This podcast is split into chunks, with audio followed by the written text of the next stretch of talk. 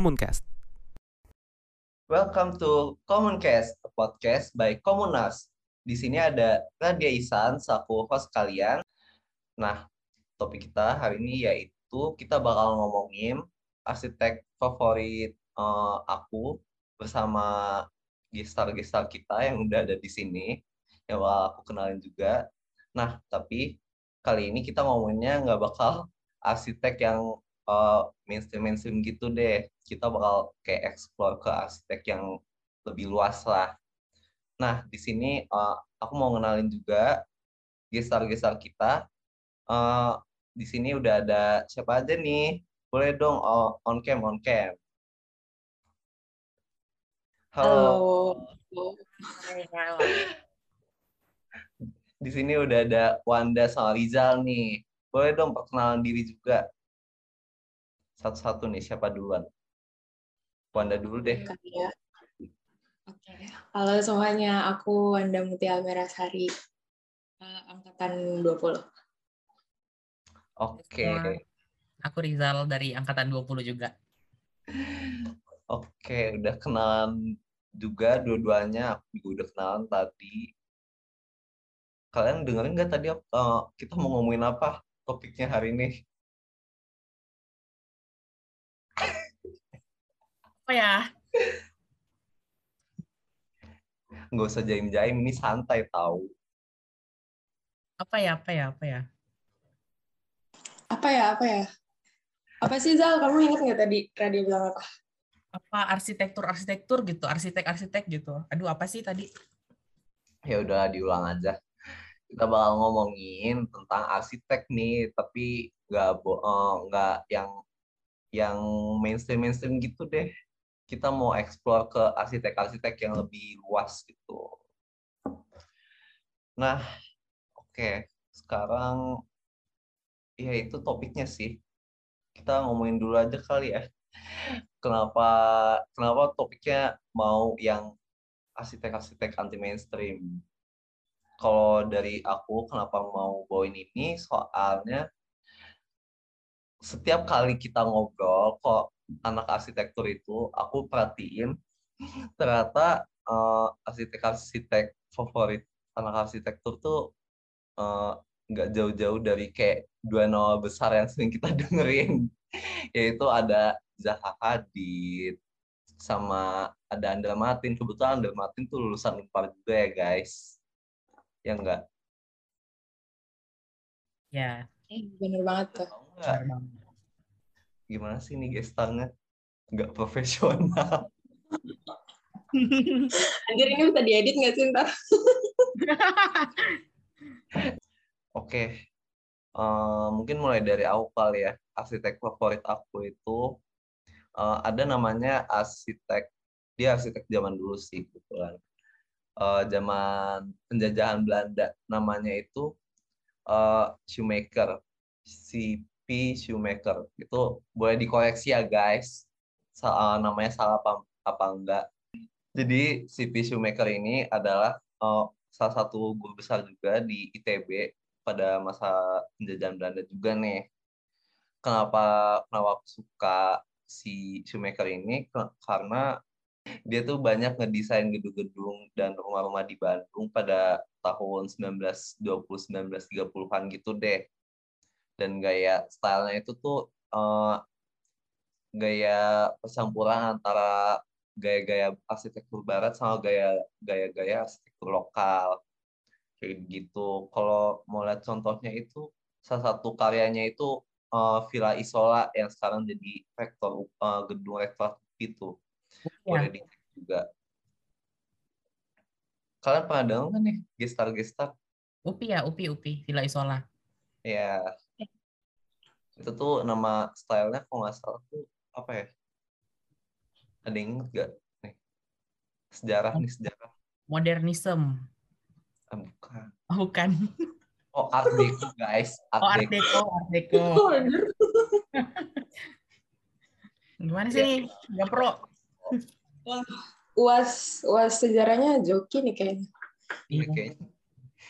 Nggak nyontek kan ini Enggak, enggak, enggak. lainnya. Enggak, cuman habis ujian lupa gitu. Hmm, lupa. Keren sih. Oke nih. Eh, terus eh, selain Villa Isola tuh pokoknya dia banyak karya-karyanya di Bandung. Yang gedung-gedung gaya Art Deco tuh. Oh, kalau nggak salah tuh Masjid Cipaganti juga rancangan dia tuh, kalau nggak salah. Boleh dicek juga itu karyanya. Tapi aku paling suka yang Villa Isola sih kayaknya. Oke, boleh gantian gak nih ngobrolnya? Bentar, Ada bentar, apa? bentar. Ngomongin Art Deco nih, apa apa sih Art Deco buat siapa tahu buat teman-teman yang belum tahu Art Deco itu apa? Hmm, boleh boleh. Jadi Art Deco itu kayak architecture style. Eh, dia itu cukup populer tuh sebelum masa perang, eh, masa perang dunia kedua. Jadi itu eh, gayanya itu biasanya bisa dikenali dengan kayak ada unsur-unsur garis-garisnya gitu. Eh, unsur-unsur garis sengkulungkung gitu ju- juga ada biasanya. Terus kalau Art Deco itu eh, selain di Bandung tuh yang banyak eh dia kalau nggak salah tuh ada juga di kota-kota di Amerika kalau nggak salah tuh eh, Florida atau Miami gitu bolehlah dicek lagi pokoknya tapi kalau nggak salah ya Bandung itu eh, kota dengan peninggalan gedung dengan gaya Art Deco yang paling banyak loh guys di dunia fun fact Ya, boleh ya guys berkunjung Itu. ke Bandung kalau mau lihat langsung. ya siapa nih mau gantian nggak tadi udah Wanda deh, Wanda. Wanda hemat ngomong kayaknya. Iya banget Eh, kalau aku, aku, aku sebenarnya waktu masuk masuk awal arsitektur, waktu masuk awal arsitektur Unpar itu kayak nggak nggak terlalu banyak eh, inspirasi dari arsitek-arsitek gitu kan. Bahkan aku hampir nggak tahu arsitek terkenal itu siapa aja. Tapi semakin aku belajar itu kayaknya ada dua nama yang karyanya itu paling aku suka. Eh, yang pertama itu kalian tahu biar ke Ingalls nggak sih? tahu-tahu itu keren sih Nah, ya itu aku suka banget sih sama karya-karya dia yang futuristik, tapi juga eh, berusaha untuk selalu ramah lingkungan. Terus yang kedua, aku suka Santiago Calatrava. Kalian pernah dengar nggak nama dia? Kalau Trava pernah, pernah. Ya, itu kan kayak sering banget gitu ya di mention kalau setiap kalian kelas, terutama kalau kalian masih di semester 1-2 itu sering banget tuh di mention namanya Santiago Ca- Calatrava. Aku baru-baru banget ini suka sama dia setelah lihat karyanya dia di eh, UAE Pavilion. Itu kayaknya karya yang paling baru. Nah, eh, setelah aku telusuri, ternyata dia tuh orang yang eh, dalam mendesain itu bisa bisa nonjolin struktur sebagai salah satu bagian dari estetika desain. Menurut aku itu nggak gampang sih buat eh, buat diwujudin. Jadi ya menurut aku dia keren dan aku suka aja gitu. Oke. Nah, sekarang Rizal nih terakhir. Hmm, kalau aku nggak beda, sebenarnya jujur aja sama kayak Wanda juga. Jadi pas masuk arsitek tuh kayak bener-bener buta kayak ini arsitek yang terkenal siapa sih sebenarnya? Kayak emang seterkenal apa sih? Karena kan sebelumnya kan kita kayak kurang terdengar gitu kan soal arsitek gitu, apalagi mungkin dari Benar. ya kan, apalagi mungkin kayak kalau yang sekolah-sekolahnya itu nggak terlalu arsitektur banget gitu, jadi kayak orang nggak kepikiran bahkan kayak orang nggak peduli kayak bangunan pakai pakai aja gitu, nggak nggak usah tahu siapa yang bikin, ya nggak sih? Nah, itu makanya eh, pengetahuan kita kebanyakan Zaha Hadid dan Andra Mati. Iya kan? Tapi em, ya sama kayak Wanda juga, jadi kayak seiring-iring apa ya ber- belajar di em, arsitektur Unpar ini, jadi kayak mulai-mulai tahu oh terus mulai bisa men, apa ya bisa eh, nemuin style arsitektur yang emang kita suka gitu karena style arsitektur itu kan banyak banget kan ragamnya. Nah, kalau yang aku tuh sukanya sama hampir sama yang kayak era-eranya yang Radia bilang tadi, yang Oh, Art zaman Deco. modern, Oh, sama modern. zaman modern karena eh, zaman modern bukan berarti tahun sekarang ya guys, bukan. Zaman modern Oh iya iya. Kalau yang belajar arsitek itu ya, jadi kita sekarang kan postmodern kan berarti bukan modern lagi. Jadi aku tuh sukanya kayak em, kalau ini semua orang kayaknya udah tahu deh dia itu yang terkenal sama filosofisnya filosofinya less is more. Tahu nggak? Less is more, ayo Radia tahu nggak? Tahu nggak? Tahu nggak? Wah ketahuan lagi. Gak deh. Aku kan selalu mengerjakan tugasku sendiri guys. Oh ya, less is more. Eh, Ayo tahu nggak? siapa sih? Yang orang Prancis bukan sih? Jerman dong. Eh, orang Jerman. Yang Adolf Adolf. Kan. Rohe nggak sih? Ya, Van der Rohe. Miss Van der Rohe. Miss Van der Rohe. Oh, iya.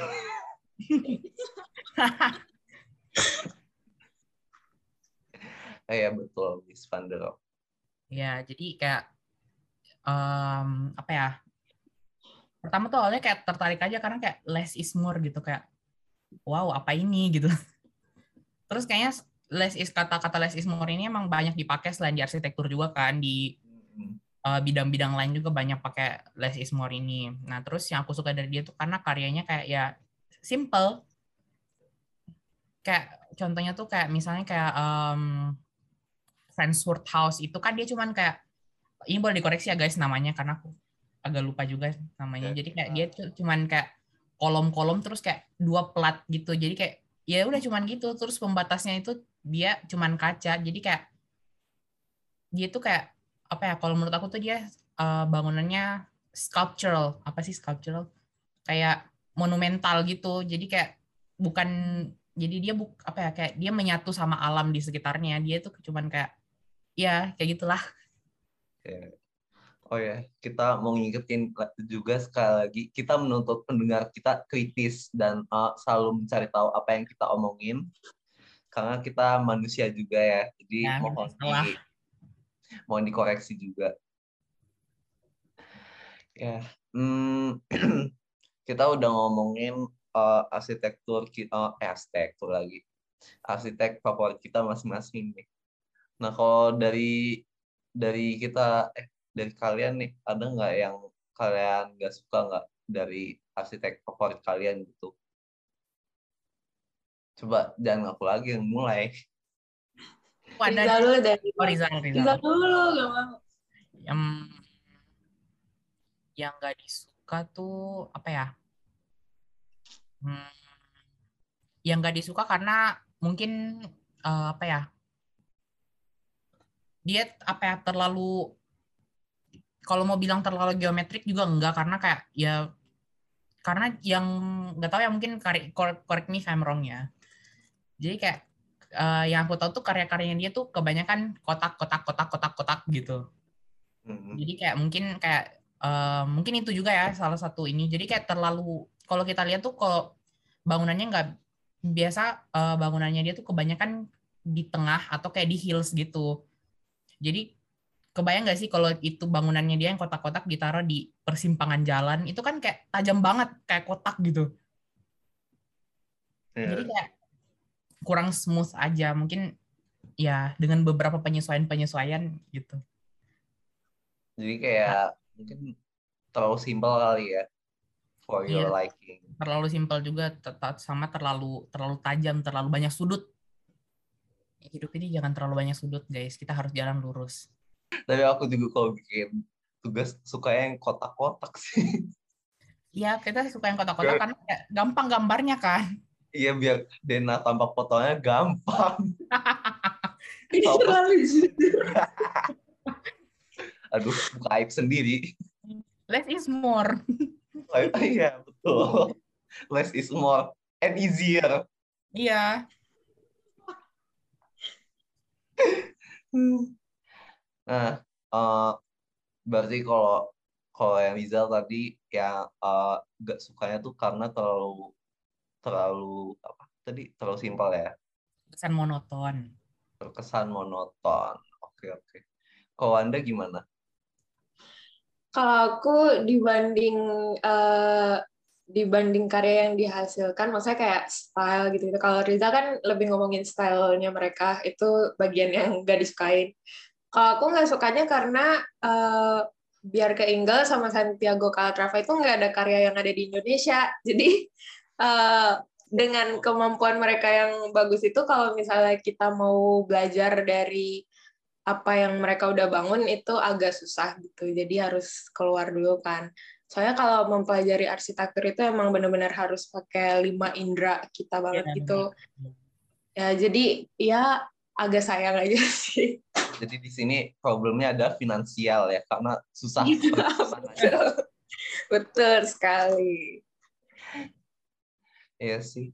Belum pernah dengar sih eh, biar ke Inggris ada rencana mau bikin sesuatu di sini. Boleh ditelepon. Ada yang tahu biro arsiteknya dia nggak? Keren juga Ntar kita WhatsApp dulu ntar dia. punya punya ordal ternyata. Kalau aku ya eh kalau si si- si P. Shoemaker ini sih apa ya? Mungkin eh, satu-satunya kesalahan dia adalah eh, dia ini dia eh, tapi nggak juga sih. Aku pengen bilang dia eh, kesalahannya dia adalah orang penjajah. Tapi kalau se sepanjang ya tadi aku mau Ya Cuman maksudnya itu, itu ya dia nggak bisa milih juga kali dia dia mau jadi kayak gitu. cuman sepanjang yang aku baca tuh uh, dia tuh sebenarnya salah satu uh, orang yang cukup ini sih cukup uh, apa ya istilahnya cukup membaur lah dengan masyarakat lokal istilahnya kalau nggak salah tuh dia juga waktu di sini tuh ya itu yang bikin masjid itu dan uh, ini aku agak lupa ya tapi seingat aku tuh dia masuk Islam guys gitu eh waktu di sini ini fun fact juga kalau nggak salah tuh dia menikah dengan orang lokal. Tapi yang ini perlu dikoreksi juga ya karena udah lama juga nggak mencari informasinya. Tapi ya itu salah satu yang bisa membuktikan kalau dia cukup membaur sih yang itu sih yang desain dia yang Masjid Cipaganti itu. Ya paling itu sih kekurangannya. Nah kalau udah begini nih, kalian ada yang bisa eh, kalau masing-masing dari kalian ada yang bisa disimpulin nggak dari pembicaraan kita hari ini? Aduh, ini pertanyaan paling sulit nih kayak. Mas ya pertanyaannya. Jangan sampai kita dicap eh, kehabisan topik. Hmm, kayaknya tuh kalau mau disimpulin tuh kayak ya kalau diambil intisari, intisari bahasa dari mana itu? Benang merah, benang merah. Benang merah kita tarik benang merahnya dari topiknya kita kali ini. Apa ya? Em, kita kebanyakan suka arsitek dari luar nggak sih? Jadi kayak sebenarnya tuh kurang kontekstual sama yang kita rancang di sini apalagi kan kayak ya dengan segala permintaan needs and wants yang kita ini kan kayak harus di sisi lain juga kayak kita harus uh, memenuhi kebutuhan soal terus kayak ya desain dengan bangunan yang harus Indonesia harus lokal harus uh, kayak kalau di luar kan kayak mis yang apa ya karyanya arsitek-arsitek luar kan kayak ya udah kayak gimana ya kayak sang terlihat sangat apa ya sangat eksploratif. Biasa kayak kita kayak terkesan kekurangan ide gitu. Jadi kayak kalau kita Oh itu masuk ke kritik juga ya. padahal kayak ya Ih, kita mempropos satu desain tuh apa ya ya banyak pertimbangannya nggak sih kayak buat dimasukin di Indonesia apalagi yang paling terutama tuh yang berubah atapnya aduh Oh iya sih, itu juga kayaknya itu kritik dosen juga deh. Kita eh, pasti terpaku soal kalau dengar kata bangunan, ini baru dengar dari Astus aku juga sih kemarin. Kalau dengar kata bangunan, pasti yang ter yang terbayang adalah segitiga dan kotak. Ada pintu di tengah. Lalu ada jendela-jendela di samping kiri kanan. Iya sih, bener kayak kurang explore. ya kan terus kayak ya nggak tahu ya kesan bangunannya kayak ya tropis sih lokal sih tapi kayak ya jadinya mirip-mirip semua paling tuh atapnya kayak gini kalau nggak satu tinggi kalau nggak perisai apalagi meja udah dan Kok enggak? Sudutnya Meja berubah. itu atap atap paling males itu meja. meja. Tapi paling Mau mudah. datar tapi nggak boleh ya meja aja udah. Ya, kalau datang nggak boleh meja aja.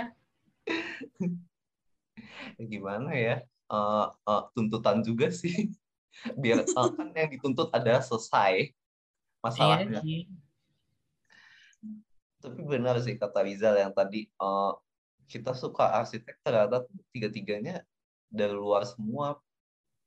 Aku nggak aku nggak nggak ini sih nggak expect tadi eh, dari Rizal tuh kayak gitu. Apa kalau ternyata kita tiga-tiganya suka arsitek luar. Ya kalau shoemaker mau dihitung orang Indo sih ya susah juga sih. Nah, Wanda nih dari tadi senyum-senyum jaim dan jaim. Lu mikirin apa sih? Enggak. Enggak, saya kan saya kan mau menampilkan citra yang ramah gitu ya. Kalau dari aku apa ya? Ya sebenarnya ambil inspirasi dari luar itu nggak apa-apa, tapi ya eh, karena kita emang di Indonesia ya cobalah explore eh, karya-karya arsitek yang dalam negeri gitu. Kan selain Andra Matin juga banyak gitu, ada Andi Rahman, ada Yusing itu juga keren banget Iya, gitu iya, kan Yusting, Yusting. Iya, iya benar-benar. jangan jangan terpaku sama satu orang cuma karena oh ini orang sering disebut nih atau atau oh karyanya yang gue tahu cuma dia doang gitu jangan gitu lah. Banyak banyak ekspor aja. Banyak-banyak ekspor sih bener. Oh ya dan satu lagi jangan berhenti buat eh, menumbuhkan rasa ingin tahu itu sih yang penting. Oh kirain mau bilang dan eh, dan berhenti untuk eksplor bentuk atap. Ya itu juga. Itu juga harus itu juga harus gak kuat. Tetap jangan pelana terus terus penutupnya bitumen. Udah. Bener lagi bitumen. Kalau nggak tahu nggak tahu ditanya apa kan kayak bitumen pak, bitumen bu. kayak gimana dong? Gambarnya yang paling gampang itu. Iya sih. Hmm.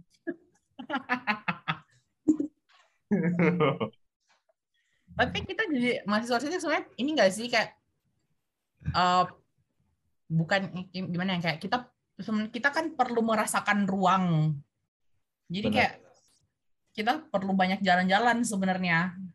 iya sih Ya, pandemi gini susah sih jadi. Pandemi ini susah kan ke mana-mana kayak ke mana-mana pakai tes lah ke mana-mana inilah belum lagi nanti di pesawat ada yang lolos omikron di mana-mana. iya woi agak serem sih T- tapi ini sih kan update kasusnya makin turun ya sekarang semoga ya cepatlah kita bisa mengalami arsitektur lagi Amin. Kita menjelajah. Emang kita sebelum sebelum masuk kuliah ini pernah mengalami arsitektur? Enggak kayak ya Bangunan ya kayak tadi kotak segitiga, kotak segitiga. Tiga. Ya, kan? Ya aku tuh sebelum masuk arsitek bahkan kayak kirain tuh bangunan kayak ya udah te- te- tembok atas atasnya atau ternyata tuh kayak ada plafonnya, ada ada kolom balok lah.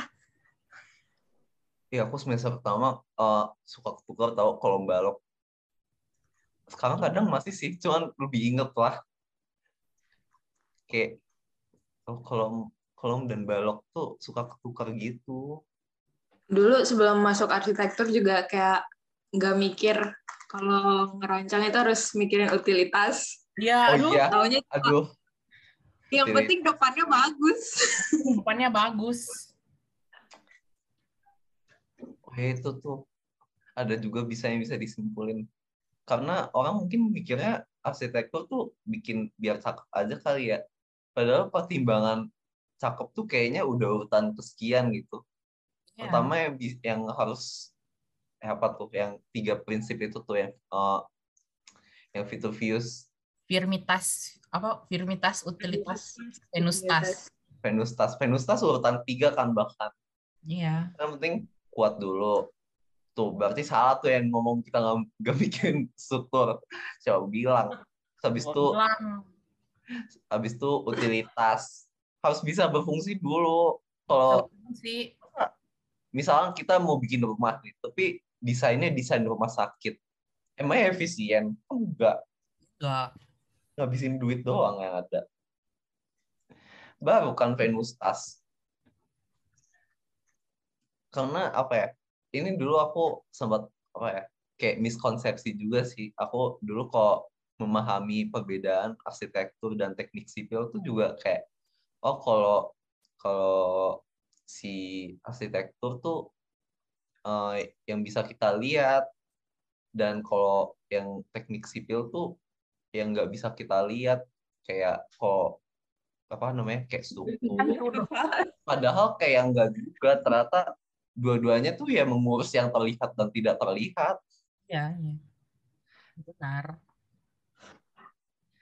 Orang kita eh, ini kok kalau di di studio uh, suka dikritik strukturnya juga kok ya strukturnya nggak bener strukturnya nggak bener. Kolomnya ditanya ukuran berapa ini? Kita jawab 30 kali 30 paling aman. Ya no debat. Valid no debat.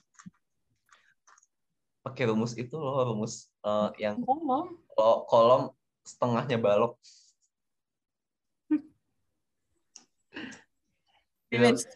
Ah Ya, setengah apa super 12 sih? Anjir gue aja gak inget super dua super berapa sih rumusnya? Aduh mati nih kalau nonton dosen. Ketahuan super super 12 Disclaimer buat- bentang disclaimer buat bapak ibu dosen kalau nonton. Ini kita ada catatannya kok tenang aja. Nah, iya kita ada catatannya kok.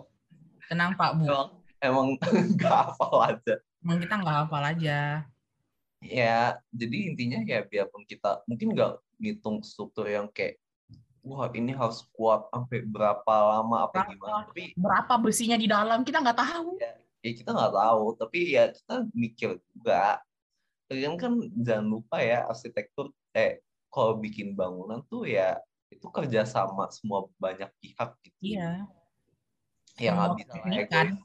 kayak misalkan eh, apa ya mau mau cantilever terus panjang cantilevernya nggak ada kolom sama sekalinya eh, 500 meter. Mau pakai apa? Roboh anjir ya kecuali kalau ada teknologi material yang baru. Cuman kayaknya sih belum belum ada ya. Belum dengar sih lebih tepat. Nggak denger sih sampai 500 meter. Belum pernah dengar sih kan makanya itu kolom kolom utamanya setebal apa itu Ya, bikin kolomnya sendiri lebih mahal daripada ininya bangunan Oke. keseluruhannya. Pondasinya pondasinya 800 km ke bawah belum belum jadi bangunannya udah habis duluan dananya. Ya Ya, dikira ini dikira penyelundupan dana lagi dikira ntar apakah ini modus cuci uang baru? Iya kan, aduh capek deh. Ini belum kita belum hitung ini RAB nanti nggak tahu semester berapa kita dapat hitung RAB. Aduh, kita belum dapat ngitung RAB btw kita di sini kita semester berapa guys ternyata semester semester berapa? Semester 4. oh ya semester 4 kita masih semester 4 guys btw 4 baru ya tapi cukup ribet sih kayak nggak kebayang sih sebelumnya kayak ternyata kayak kita harus bertemu dengan rumus-rumus fisika lagi yang kayak aduh justru masuk arsitek kita nggak mau ketemu itu malah kayak di semester 3 4 kita ketemu itu gitu. aduh Ada yang Oh ya, rumus selain selain Selain selain apa? struktur selain Eh. struktur juga harus harus ini mikirin peraturan peraturan daerahnya Oh, Oh, benar iya. banget. GSB, KDB, KLB, makan tuh. Ewan kamu udah ambil kan Pranata udah udah ambil. Semester dua gila. Terlalu gini guys. Cukup cepat ya. Iya terlalu cepat saya. Kayak kayak belajar PKN Iya kan, kayak belajar PK. mempelajari tatanan itu eh, eh, aturan eh, oh iya jadi aturan ini tuh dibawahi aturan ini Wow. ini PKN lagi ya kita padahal kita juga ada mata kuliah PKN sih Iya, kita ada mata kuliah PEK 2 lagi, PKN Pancasila. eh di asis, eh, di mata kuliah jurusannya juga ada Mata kuliah jurusannya ada Pranata. Pranata Kasih Tuhan. masih ada yang mau diomongin lagi kah? tanya ini mau nanya nih, ada yang masih ingat nggak ini kan baru fresh nih dari semester 3 dapat utilitas bangunan. Oh, Ada yang masih, Diuji, oh my God. ada yang masih ingat rumus hitung reservoir atas eh, buka bukunya dulu ya. buku utilitas dulu. Modulnya dulu yang kuning itu. Yes. Buku yang tebal bata itu. Aduh. Tebal batak. Masa sih? Enggak. Enggak. Terus gini, Segini lah. gini segini. Ya nggak tebal-tebal banget lah. Ya, dijadiin plat lantai bisa lah itu. Bisa. Buat lantai. Ditanam di semen dicor. Ini kita ngomongin apa ya? Kok udah plat lantai BTW? Aduh. Ya begitulah. Itulah. Udah dicukupi aja kali ya. Omongan Mau dicukupi aja. Hari ini. Ya, sebelum semakin ngawur dan menyesatkan. lari topiknya, menyesatkan orang yang nonton nanti. Iya. Semoga ini masyarakat awam yang nonton nggak jadi takut masuk arsitektur ya. Jadi Enggak lah, jangan Ya. takut guys. Berani, bisa. kita tadi nggak ngomongin anak. kata kata kata salah satu dosen mendesain itu kegiatan yang apa Oh tuh iya, desain itu menyenangkan. desain itu menyenangkan betul banget Jadi jangan takut mendesain. ya buktinya Rizal masih bisa senyum senyum sampai hari ini menyenangkan kan punya sampai hari ini. Quotes penutup kita ada desain itu menyenangkan ya. Itu menyenangkan guys. ya desain itu menyenangkan Jangan takut masuk arsitektur. Oke. Siapin aja tisu. Keren keren.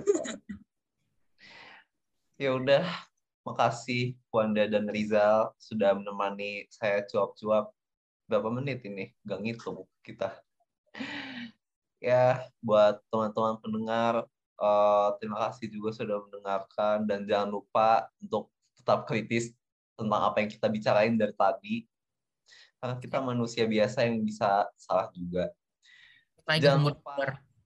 Ya, jangan lupa tetap keep up terus dan episode-episode selanjutnya dari common case karena masih bakal banyak ada topik yang seru-seru yang bakal kita omongin juga. Episode selanjutnya tentang apa nih?